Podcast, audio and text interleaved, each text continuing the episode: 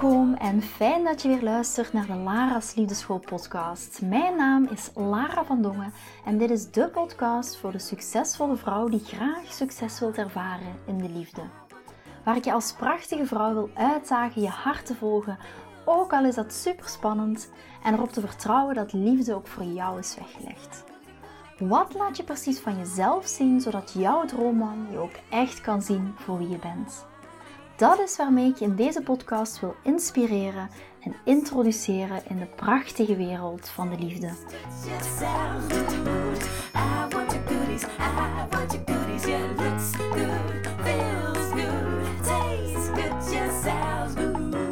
In deze podcastaflevering ben ik super blij om Ilse voor te stellen. Ilse is van Matchmaker Brabant.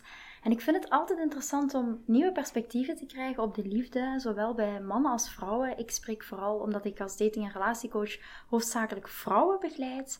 Ehm, zie ik vooral de vrouwenkant. En ik vind het ook altijd super interessant om eens de mannenkant, maar ook om te gaan kijken, zijn er overeenkomsten, ja of nee? En misschien is het wel fijn om als eerste te beginnen waarom Ilse vandaag is, omdat een heel aantal maanden geleden, uh, Ilse en ik hebben contact gehad via een gemeenschappelijk contact van ons. Hebben contact met elkaar gelegd en een heel, we hadden elkaar ook op Facebook uh, en op Instagram gematcht, zal ik maar zeggen, om het dan in de termen te houden.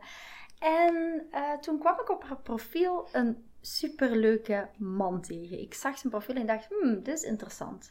Uiteraard heb ik zelf al een man, dus het was niet voor mezelf. Maar ik heb uh, als dating- en relatiecoach begeleid ik ook dames in de zoektocht naar een partner. En niet als matchmaker, maar wel dames die tegen bepaalde patronen aanlopen. Waarom dat het bij hun de liefde niet lukt. Uh, liefdesblokkades. Uh, waarom vinden ze niet de man die bij hun past. En um, ik had zoiets van, yes, die man, hij heette Francis, die past perfect bij Melissa. Iemand vanuit mijn coachinggroep. Toen heb ik Melissa aangesproken en gezegd: Melissa, ik heb iemand voor jou, die gaat perfect bij jou passen. En in het begin had ze zoiets, Lara, laat me er even over nadenken. En maar toen stuurde een dag daarna een berichtje en zei ze: Yes, Lara, doe het maar. Ik vertrouw jou. Uh, we zijn al een, paar maanden aan het samenwerken. En ik vertrouw erop dat, dat jij um, daar een goede feeling mee hebt. Dus contacteerde ik Ilse. Ik zeg: Ilse, ik denk dat ik iemand heb um, voor Francis vanuit mijn eigen coachinggroep. Zo hebben uiteindelijk, uh, heeft Ilse uiteindelijk Melissa opgebeld. Heb je haar een aantal vragen gesteld, waar ik straks nog wel benieuwd naar ben, welke vragen dat dan precies zijn. En ja, toen kwam het erop neer, Melissa en Francis zijn op date gegaan. En nu hebben ze een super fijne relatie na een aantal maanden. Een exclusieve relatie noem ik het dan. En uh, vandaar dat Ilse hier ook vandaag zit, omdat ik vooral ook heel benieuwd ben. Hè, de bedoeling van de podcast is altijd om tot nieuwe inzichten te komen, om en die inzichten hoeven daarom niet altijd vanuit enkel mezelf te komen. Ik heb tot nu toe vooral afleveringen gemaakt waar ik zelf een bijdrage doe aan. Maar ik ben ook altijd nieuwsgierig hoe andere mensen erin staan.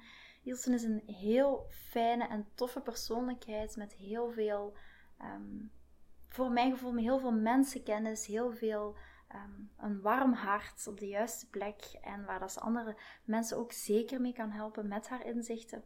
Dus vandaar vandaag Ilse. Misschien Ilse, ik bedoel van harte welkom. Dankjewel. En uh, misschien Ilse is het fijn dat je je kort eventjes voorstelt en dan ga ik uh, al mijn vragen op jou afvuren. Oké. Okay. Uh, nou ja, heel erg bedankt dat ik, dat ik erbij mag zijn, want ja, je gaf het net al aan. Wij zijn eigenlijk ook een hele leuke match. En uh, uh, ja, het is heel mooi om, om een bijdrage te kunnen leveren. Uh, vooral naar zo'n warm welkom. um, ja, ik ben dus Ilse. Ik ben nu 37 jaar en ik kom uit Breda.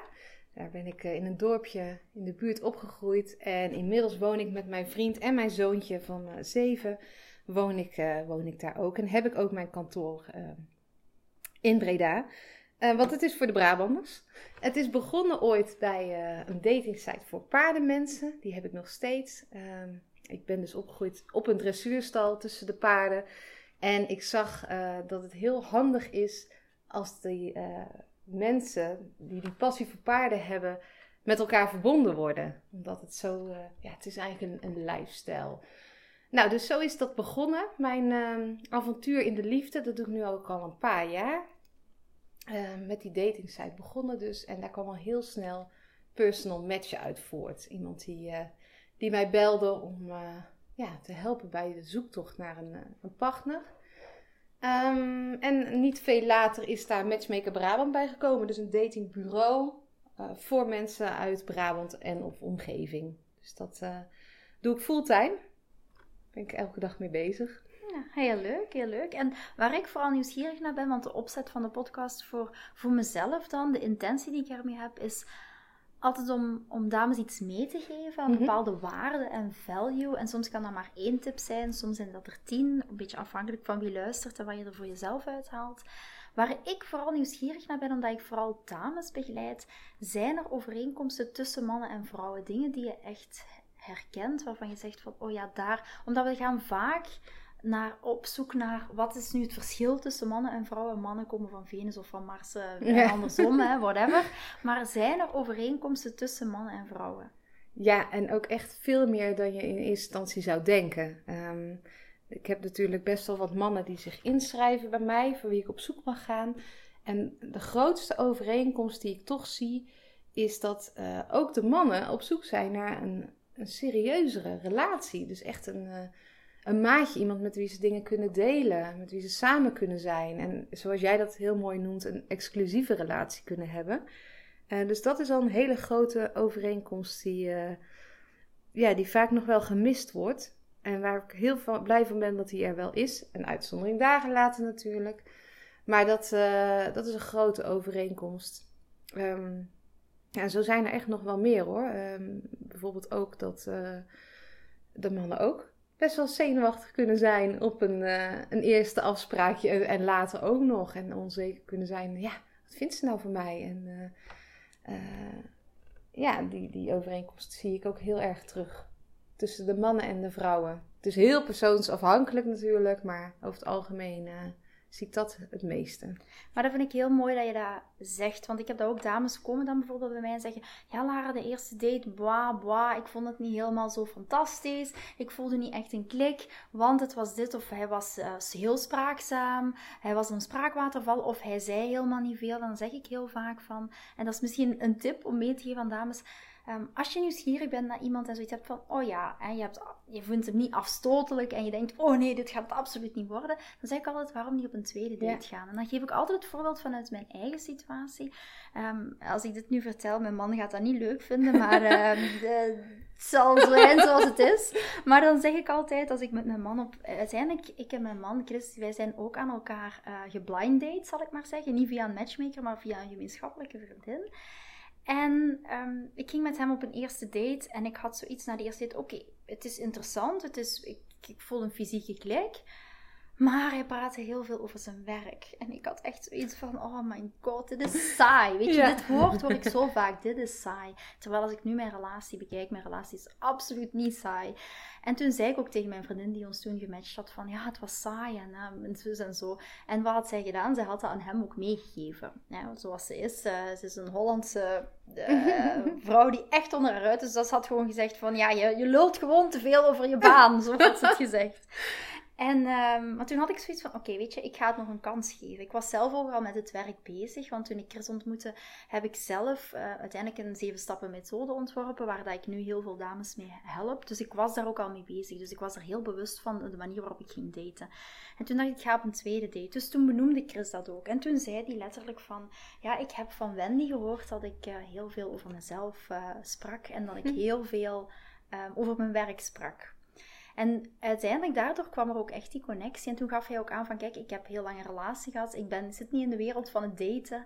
En ik was best wel nerveus voor een eerste date. Dus, en dat is zo mooi om te zien dat hij dat toen ook uitsprak. Terwijl als je Chris nu ziet, heeft hij een, een, best wel een, een, heel confident uitstraling. Maar ook hij voelde zich onzeker. En dat geef ik ook aan dames mee. Van kijk dames, um, het is voor mannen ook spannend. En het is zeker voor, voor ons ook spannend als vrouw. En, maar het is, kan ook voor de persoon die tegenover jou zit heel spannend zijn. Ga daar maar van uit zelfs. Het is ook gewoon spannend. Want ja, uh, ja je moet toch een beetje kwetsbaar zijn om, uh, om iemand te gaan ontmoeten. En, uh, ja, en, en dan ontmoet je iemand en dan moet je er allemaal maar aan voldoen. Of dat denk je, of dat hoop je. En je wil het niet mislopen, je wilt dat het werkt.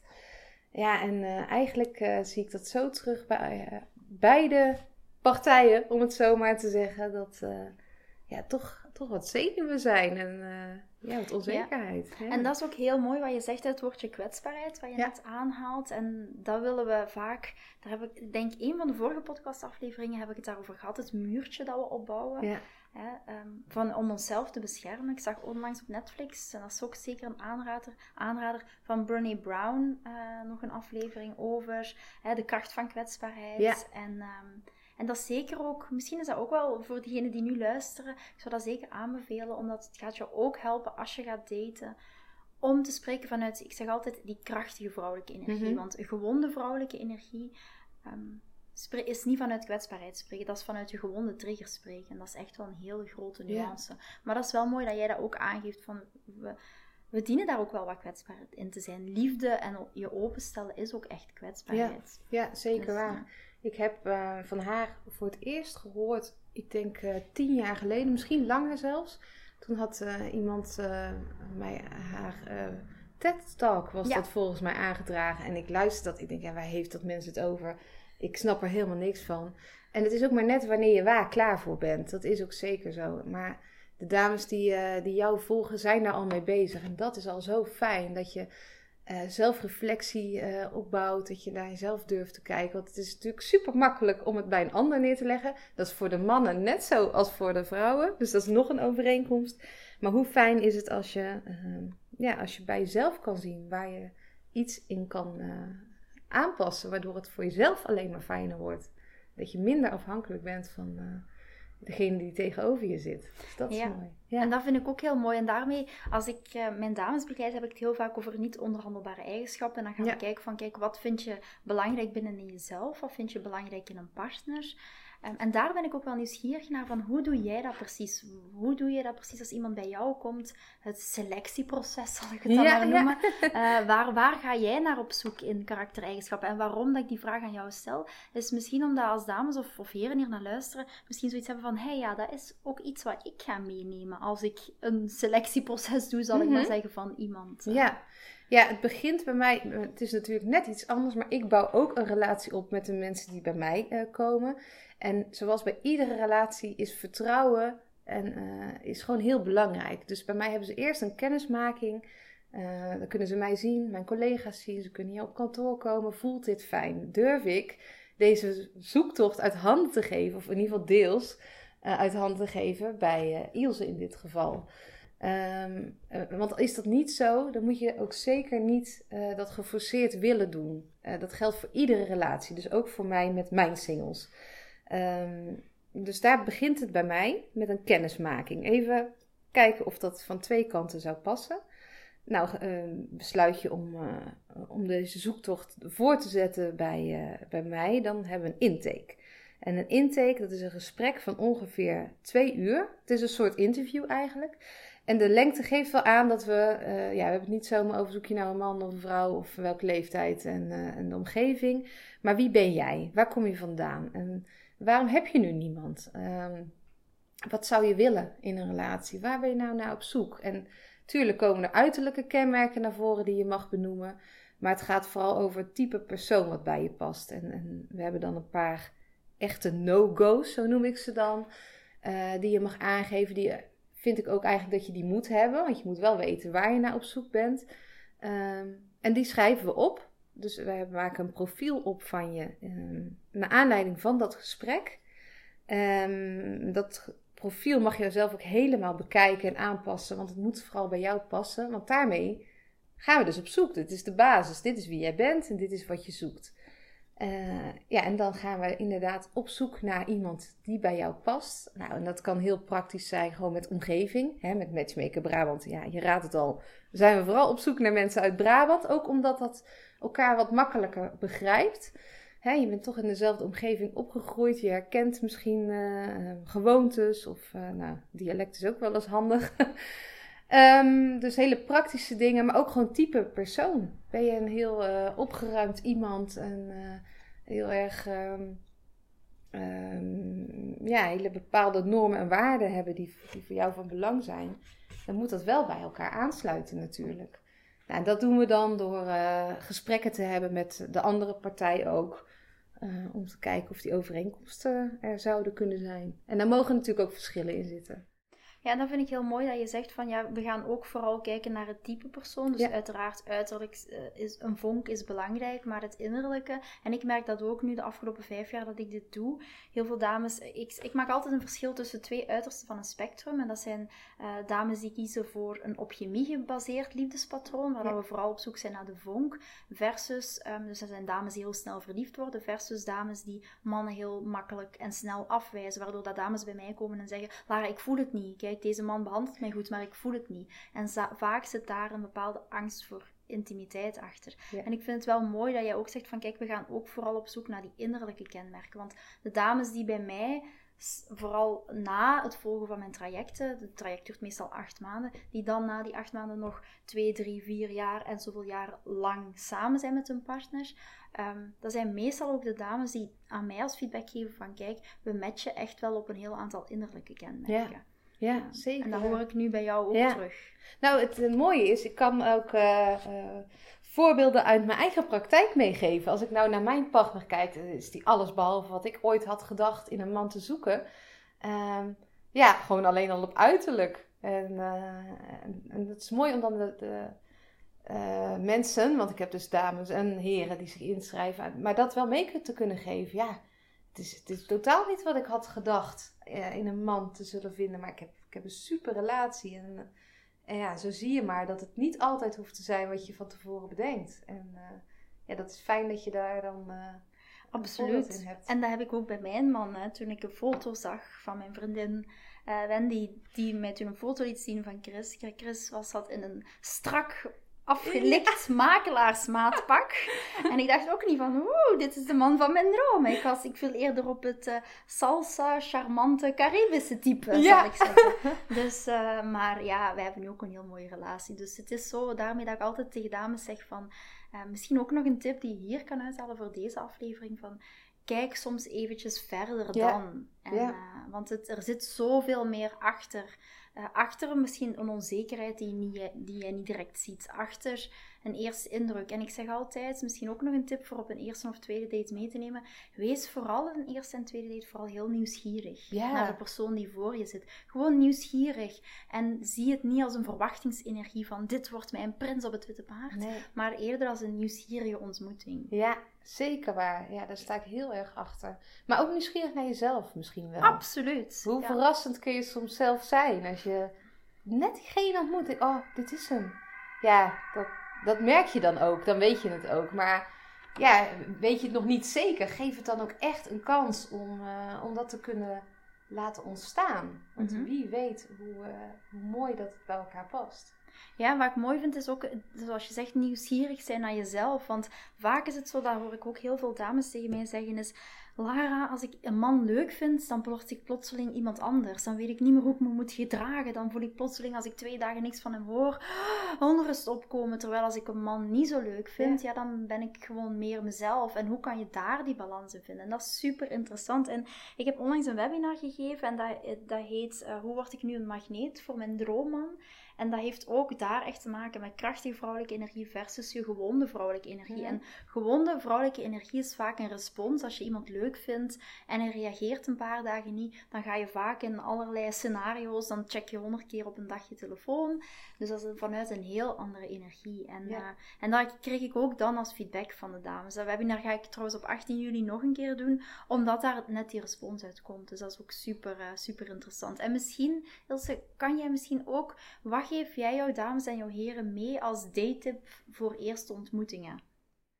Nou ja, je hebt het eigenlijk ook al een beetje over gehad, maar het gaat vooral om dat je ook jezelf kan zijn. Want ja, daar is degene met wie dat uh, hij of zij uh, verder gaat. Dus dat is het allerfijnste. Dat is ook het makkelijkste vol te houden, want dat ben je gewoon. Maar dat het moeilijk is, dat kan ik me heel goed voorstellen. Want je bent natuurlijk een beetje zenuwachtig. Misschien heb je zelf gezegd dat je niet zenuwachtig bent. Maar ja, het is toch spannend als je iemand gaat ontmoeten met de intentie om daar een, een relatie, een liefdesrelatie mee aan te gaan. Want ik kom heel vaak uh, mensen tegen uit het zakenleven en die kunnen alles vertellen. Die kunnen gesprekken voeren, maakt niet uit. Maar gaat het dan over, over hunzelf, dan, dan is het in één keer heel moeilijk en spannend. En ja, waar het dan altijd op neerkomt, is dat, uh, dat ze bang zijn om gekwetst te worden. Dat je wordt afgewezen door iemand. Ehm, ik heb het zelf uh, mogen ervaren. Dat, dat ik een man had ontmoet hier tijdens carnaval. was een hele leuke avond, maar een onbereikbare man, om het zo maar te zeggen. En uh, ja, hij bleek mij toch ook wel heel leuk te vinden. Toen dacht ik, ja, dit, dit kan alleen maar fout gaan. Maar weet je wat? Ik ga er gewoon voor. Dit, ik ga het gewoon aan. Want ja, ik weet misschien vooraf al dat het niks gaat worden. Maar wat is nou het allerergste wat kan gebeuren? En ik ben zo blij dat ik er zo in ben gaan staan. Dat ik het echt ben aangegaan. Het is ook niks geworden. Maar ik heb wel die ervaring. En daardoor is het daarna makkelijker gegaan. Want ja, het ergste was dat ik een keer moest huilen. Omdat ik heel verdrietig was dat het toch niet was wat ik hoopte dat het zou zijn. Maar het maakt je ook veel sterker. En, en ja, je kan wel tegen jezelf zeggen: Ik ben het gewoon aangegaan. Ik heb het gewoon gedaan. Mhm. En uh, dat is een mooie ervaring. Dus ik hoop dat anderen dat ook mogen ervaren. Ja, en je hebt je laten zien vanuit al je kwetsbaarheid wie je bent. En daar zeg ik ook altijd, het heel mooi dat je dat ook zegt, want in het begin, als je naar de intro luistert van mijn podcast, dan zeg ik ook van, wat laat je van jezelf zien, zodat die man jou ook echt kan zien voor wie je bent. Maar zonder een risico te nemen of zonder dingen aan te gaan, ga je dat ook nooit kunnen laten zien. Nee. En wat dat dan de consequentie is, kan zijn dat dat soms tranen zijn, kan zijn dat dat soms frustratie is, maar je bent het wel aangegaan. Ja, ja. ja. Nou, gaat gebeuren. Je bent en ook als je een relatie hebt uiteindelijk, zal het een keer anders lopen dan je ooit had gedacht. Eh, dus dat, uh, als je dat toch al weet en, uh, en denkt van ja, wat is nou het allerergste wat kan gebeuren? Ja, dan valt het uiteindelijk altijd mee. En ik had ook um, laatst van mijn vriend een heel mooi, mooie tip gekregen. Die hebben we zelfs ook aan ons zoontje verteld. Dat gaat over angst. En dat zien we hier, zie ik dit ook vaker. Jij ook, heb ik al begrepen angst is eigenlijk ehm, altijd voor iets wat je nog niet weet. Voor iets wat nog niet is gebeurd. En dan ga je allemaal scenario's bedenken die heel erg zijn. En heel vaak valt het heel erg mee. Dus het is angst voor iets wat nog niet bestaat. En als het er nog niet bestaat, is het er niet. Dus daar hoef je niet bang voor te zijn. Maar dat is iets wat, ehm, ja, wat je ook zou moeten ervaren eigenlijk. En, uh, en dat kun je doen door het echt aan te willen gaan. En de dames die jou volgen, en misschien ook wat heren, staan daar al voor open. Want zij luisteren hier al naar en zijn al uh, bezig met zelfreflectie. En, en, wat doet dat voor mij? Dus dat, dat vind ik altijd heel fijn als mensen ook een beetje naar zichzelf kunnen kijken. Ja, bij het aangaan van de relatie. Ja, en dat is het. Onlangs um, ik ben een boek aan het lezen en dat heet momenteel The Compound Effect. Ik ben even, ik denk Darren Hardley dat, hij, dat hij heet. Ik ben niet zo heel goed in, uh, in namen onthouden. Maar daar geeft hij dat ook aan. Hè. Daar zegt hij op een gegeven moment ook van... Ja, het leven is ook een risico nemen. En de angst is iets waar je naar kijkt, waar je bang voor hebt. Maar de stappen niet durft nemen, omdat het jouw angst inboezemt. En dat is het mooie van... Het is iets... Um, wil je als, je als je later, als je 80 bent, op je sterfbed liggen en zeggen had ik toen maar het risico genomen om tegen deze ene persoon te zeggen I love you of ik hou van jou. Ja. Ja, en wat had dat voor een verschil gemaakt? En soms is het een paar millimeter afwijken van een bepaald doel, kan je ergens helemaal anders naartoe brengen. En waarom heb ik dit, had ik dat toen maar gedaan? En dat is heel mooi om te, om te ervaren. Ja. ja. En waar ik nu aan denk, Ilse, je hebt mij op een gegeven moment, uh, ik denk vorige keer als we elkaar ontmoeten, een verhaal verteld over jouw eerste match die je ooit uh, hebt gedaan. Kan je daar misschien wel? Dat is een heel mooi verhaal. Ja, dat is uh, ja, voortgekomen uit die dating site. er was een interview over, omdat dat net bestond. En, en dat was in de krant geweest. En naar aanleiding van dat, dat artikel heeft mij iemand gebeld. En dat was een, een man. En deze man die had een een stal gekocht, een manege gekocht. Maar die was nog leeg. Dus hij zocht eigenlijk een vrouw met paarden. nou ja, en hij belde mij. En daar wilde ik hem ook heel graag bij helpen. Ik was er nog niet helemaal klaar voor. Ik wilde dit gaan doen, maar uh, ik had het nog niet helemaal opgezet. Maar ook hierin weer, uh, ja, ga er maar eens voor. Wie weet wat dat brengt. Dus ik ben met deze man in gesprek gegaan. En uh, het was ook niet zomaar iemand. Hij, hij staat in de quote. En, nou ja, dat blad ken je misschien wel. Um, dus ja, ik begreep ook wel heel goed dat hij niet met een foto op een datingsite durfde te staan. Of wilde staan, laat ik het zo zeggen. Omdat hij op zoek is naar iemand ja, die voor hem kiest in plaats voor wat anderen al wel niet van hem zouden kunnen vinden. dus ik heb met hem een gesprek gehad en ja, proberen te kijken wat nou bij deze man zou passen. Ehm, inmiddels zijn die gesprekken wel wat beter gestructureerd, kan ik je vertellen. En weet ik beter wat ik moet vragen. Maar uh, ja, ik, ik, ben het aangegaan eigenlijk met deze man. En uh, het heeft even geduurd. Maar na een paar maanden had ik, uh, had ik toch iemand voor hem gevonden. Wat blijkt, het is een barones. Ja, je maakt het mee. Dus een barones en een paardenvrouw. En ja, dat paste perfect. En het allermooiste daarin is dat, dat zij dan gelukkig zijn, maar dat je daar een hele families gelukkig hebt kunnen maken. Omdat ja, zij willen ook het beste voor hun kind in dit geval. En uh, vooral in die uh, kringen speelt het heel erg mee dat het allemaal goed is natuurlijk. Dus ik heb uh, later ook te horen gekregen dat, ja, dat dat ook het bijeffect was. Dat de familie ook zo blij is voor je. En ja, dat dat. ja, dat is super mooi. Ja. ja, en dat herken ik ook. Hè, want zoals jij ook heel mooi zegt van uiteindelijk verander je, verander je niet alleen maar deze persoon, haar of zijn leven, maar verander je een heel gezin, een hele familie. En dat is heel mooi om te, om te zien wat liefde met jou kan doen. En dat herken ik ook heel vaak als dames uit een traject komen bij mij, dat sowieso al acht maanden duurt. En dan een partner hebben ontmoet zeggen ze dat ook. Hè. Vaak komen dames bij mij, en dat zal bij jou ook wel herkenbaar zijn, met het gevoel van, ja Lara, ik ben het vertrouwen kwijt. Uh, Liefde is niet meer voor mij weggelegd. Ik ben te oud, te dik, te dun. Ik ben te ambitieus. Mannen voelen zich door mij geïntimideerd. Ik heb drie kinderen. Wie gaat nog met een vrouw van uh, alleenstaande moeder samen willen zijn? Dus allemaal belemmerende gedachten waar dames bij mij, bij mij komen.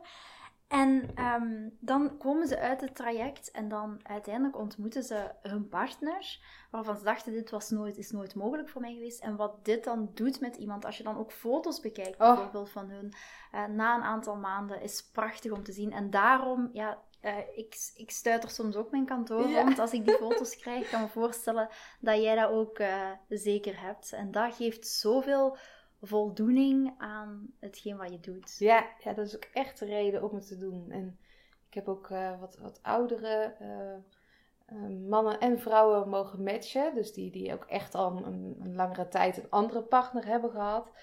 En, ehm, en die heb ik dan samengebracht. En dat, dat wordt gewoon een tweede jeugd. Je ziet gewoon het, het versterkt, het, maakt elkaar jonger. Ja, het verliefde komt weer terug. Je kan heel de wereld aan. Ja, dat is ja, prachtig, hè? mooi om te zien. Ja, ik had onlangs ook uh, Mia. Is, uh, ik heb ook een interview van Mia op mijn website staan trouwens.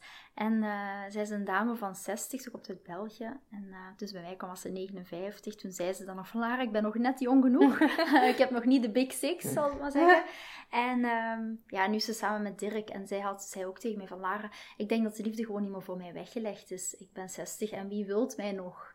En uh, dat was ook het stukje de zelfliefde. De, ben ik het wel echt waard om liefde te mogen ontvangen? En dat is prachtig om, om daar ook in terug te zien. En daar ben ik ook wel benieuwd naar bij jou, Ilse. Wat maakt eigenlijk dat mensen bij jou komen? Waar hebben ze meestal hulp bij nodig?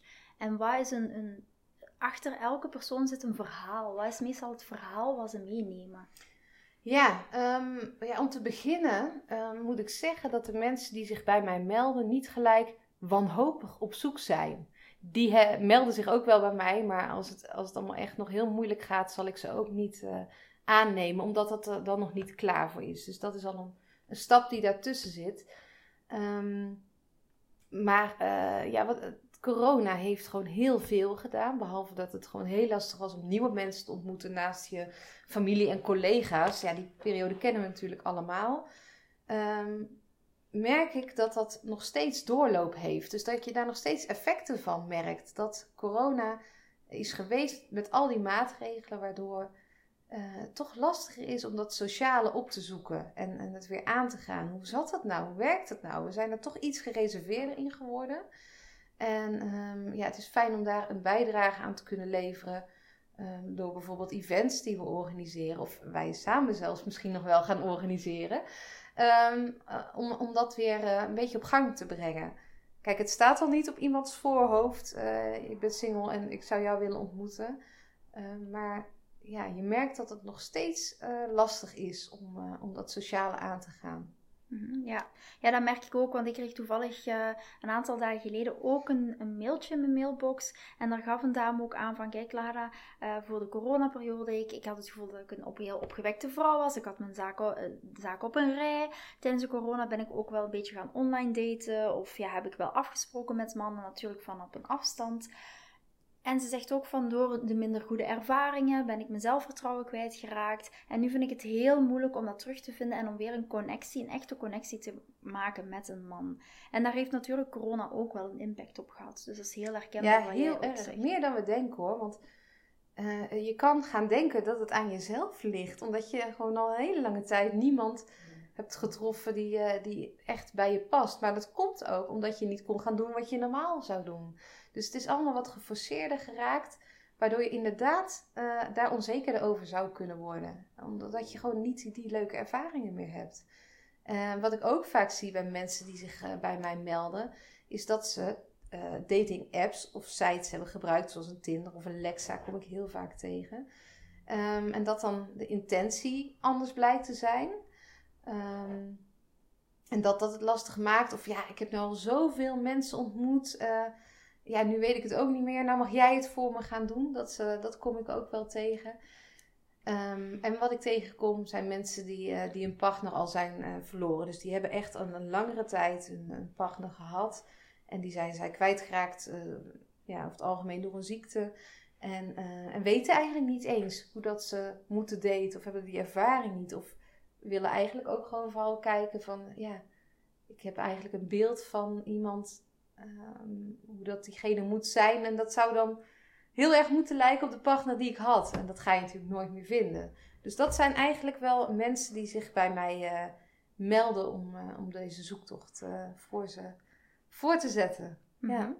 ja, weet je wat is? Ik zeg dat ook altijd van ik zeg het altijd, ga flirten met de wereld. En uh, in plaats van alleen maar flirten met, oh, met deze man, want ik vind hem leuk. Maar ga in het algemeen ook in jouw energie flirten met de wereld. En, en zo, zodra dat je die energie te pakken hebt. Ik heb uh, binnen in mijn, in mijn traject Inner Circle um, Love Queen heb ik het puur in de eerste twee leermodules over hoe manifesteer je die partner en vanuit welke energie. Mhm. En ik zeg altijd, als je dit kan, is al 60% van het werk gedaan. En dan zeggen heel veel dames tegen mij, ja maar Lara, hoe bedoel je dat? Dus ik doe alleen module 1 en 2 en ik heb al 60% van het werk gedaan. Ik zeg, voor een heel groot stuk klopt dat. Maar dit is ook de grootste uitdaging om dan in die energie te kunnen gaan zitten. Mhm. En niet um, je laten tegenhouden door je angsten, door je liefdesblokkades, door je belemmerende gedachten. En, en, en, um, en dat is hetgeen wat, je, wat jij ook aangeeft. En dat is heel mooi om te zien als je dan met die energie aan de slag gaat, dat er ook mannen op je pad komen die veel beter bij je passen. Ja, dat trek je echt aan. Ik, ik heb ook uh, vragen van mensen die komen niet eens op kennismakinggesprek. Uh, en die melden zich en die zeggen: Ja, ik heb dit probleem en dat probleem en dat loopt niet goed. Maar als ik nu een partner heb, dan is alles opgelost. Ja, en dan uh, verwijs ik ze graag door inderdaad naar echt een coach, want dat doe ik dan niet. Uh, maar ja, dat, dan ben je nog niet klaar voor om een relatie aan te gaan. Want dan moet een ander dat maar oplossen. En wie zit er nou te wachten op iemand die alleen maar problemen heeft en die die bij jou kwijt kan? En dan is alles opgelost. Dat, dat zoek je zelf ook niet in een relatie. Dus het is inderdaad heel belangrijk dat je, uh, dat je zelf al zodanig gelukkig bent dat je dat kan delen met iemand. En, en ik denk inderdaad, het begint gewoon heel erg bij jezelf. En, dat je je fijn voelt. En, uh, en dat je ja. jezelf het waard vindt. Want dat Zeker, is ook wat ja. ik binnen in mijn coaching ook doe. Van waar we gaan op zoek naar die waarde. Vind je jezelf waardevol zonder dat je jezelf daar um, je rechterteen achter je linkeroor voor moet gaan leggen, mm -hmm. bij wijze van spreken, of buiten, um, ja, die, dat je nog je grenzen kan aangeven en kijken van wat, wat heb jij daarin nodig, wat heeft mijn partner nodig. En daar inderdaad de weg afleggen naar een stukje um, wie ben ik zelf en wat kan ik bijdragen aan een relatie. Um, en wat, wie wil ik zijn binnen mijn relatie? En dat is ja. ook een, een heel mooie weg om te gaan bewandelen. En dat zorgt er uiteindelijk voor dat je klaar bent om ook echt die mooie partner in je leven te gaan aantrekken. Ja, dan ben je ook echt aantrekkelijker voor ja, iemand. Dat absoluut. Zeker waar. Ja. ja. En misschien nog eerst om het af te sluiten, is er nog één ding wat je de dames of de heren die er naar luisteren nog graag zou willen meegeven als een soort van afsluit waarvan je denkt van um, dit is een tip of een soort van inzicht die ik merk bij mensen die bij mij komen, of misschien dingen die je vanuit je eigen leven zelf hebt ervaren als het over de liefde gaat. van oké, dit is iets wat ik wil meegeven? Ja, dat, uh, dat heb ik zeker. Het is ook al een beetje benoemd al. Um, maar um, op zo'n date, en dan vooral die, uh, die ik organiseer, want die zijn dan echt bedoeld voor een, een, een liefdesrelatie. Um, dat, uh, dat je niet te snel afhaakt om jezelf te beschermen ergens voor. Dus uh, dat zie ik vaker, dat, dat mensen dan een date hebben gehad en dan denkt, ja, nou hij vindt mijn nagelak niet leuk, dus dan zeg ik maar dat ik hem ook niet leuk vind. Want dan heb ik mezelf daarin beschermd. Um, um, maar dan blijkt dat die man haar juist heel erg leuk vond. Want dat doe ik bij mijn, uh, bij mijn dates die ik organiseer. Ik vraag altijd aan beide partijen hoe het was geweest. En hoeven ze dat nog niet eens tegen elkaar te zeggen. Mogen ze dat heel eerlijk tegen mij zeggen. En wat daar het voordeel aan is, is dat je dan weet van... Oh, maar hij vindt haar leuk. Zij vindt hem leuk. En dat hadden ze zelf nog niet bedacht of gezien. Misschien omdat ze subtiele punten hebben gemist. Um, dus eigenlijk is het vaak positiever dan je zelf zou denken, maar bescherm je je daar heel erg voor om, de angst om, om toch gekwetst te worden. Dus probeer het gewoon nog een keer. Ga nog een keer met iemand op date. Iemand is, is ook uh, waarschijnlijk ook een beetje nerveus. Kan zich ook niet helemaal laten zien zoals die zou kunnen zijn. Ook al zou je het willen. Maar uh, jij hebt daar wat meer begrip voor. En inderdaad, um, gun het jezelf. En, en, ben ook nieuwsgierig naar jezelf en naar de ander. Ik denk dat dat een heel mooi begin is om, uh, ja, om te kijken wat het verder zou kunnen worden. Mhm. Ja, en zoals je zegt, zoals we daar straks al zeiden, het stukje die nieuwsgierigheid. En wat laat je inderdaad van jezelf zien, zodat iemand jou ook echt kan zien voor wie je bent. En dat werkt langs twee kanten. Ja, ga het gewoon echt doen. Ga het gewoon aan en ga ervoor. En ja, wat is nou het ergste? Dat je een leuke relatie eraan overhoudt. Toch? Ja, inderdaad. En ik zeg altijd: don't wait, just date. Oh, mooi. Ja, Goeie zin. Dus, uh, dankjewel, Ilse. In ieder geval voor dit gesprek. Ik heb er echt van genoten. En gaan we nog doen.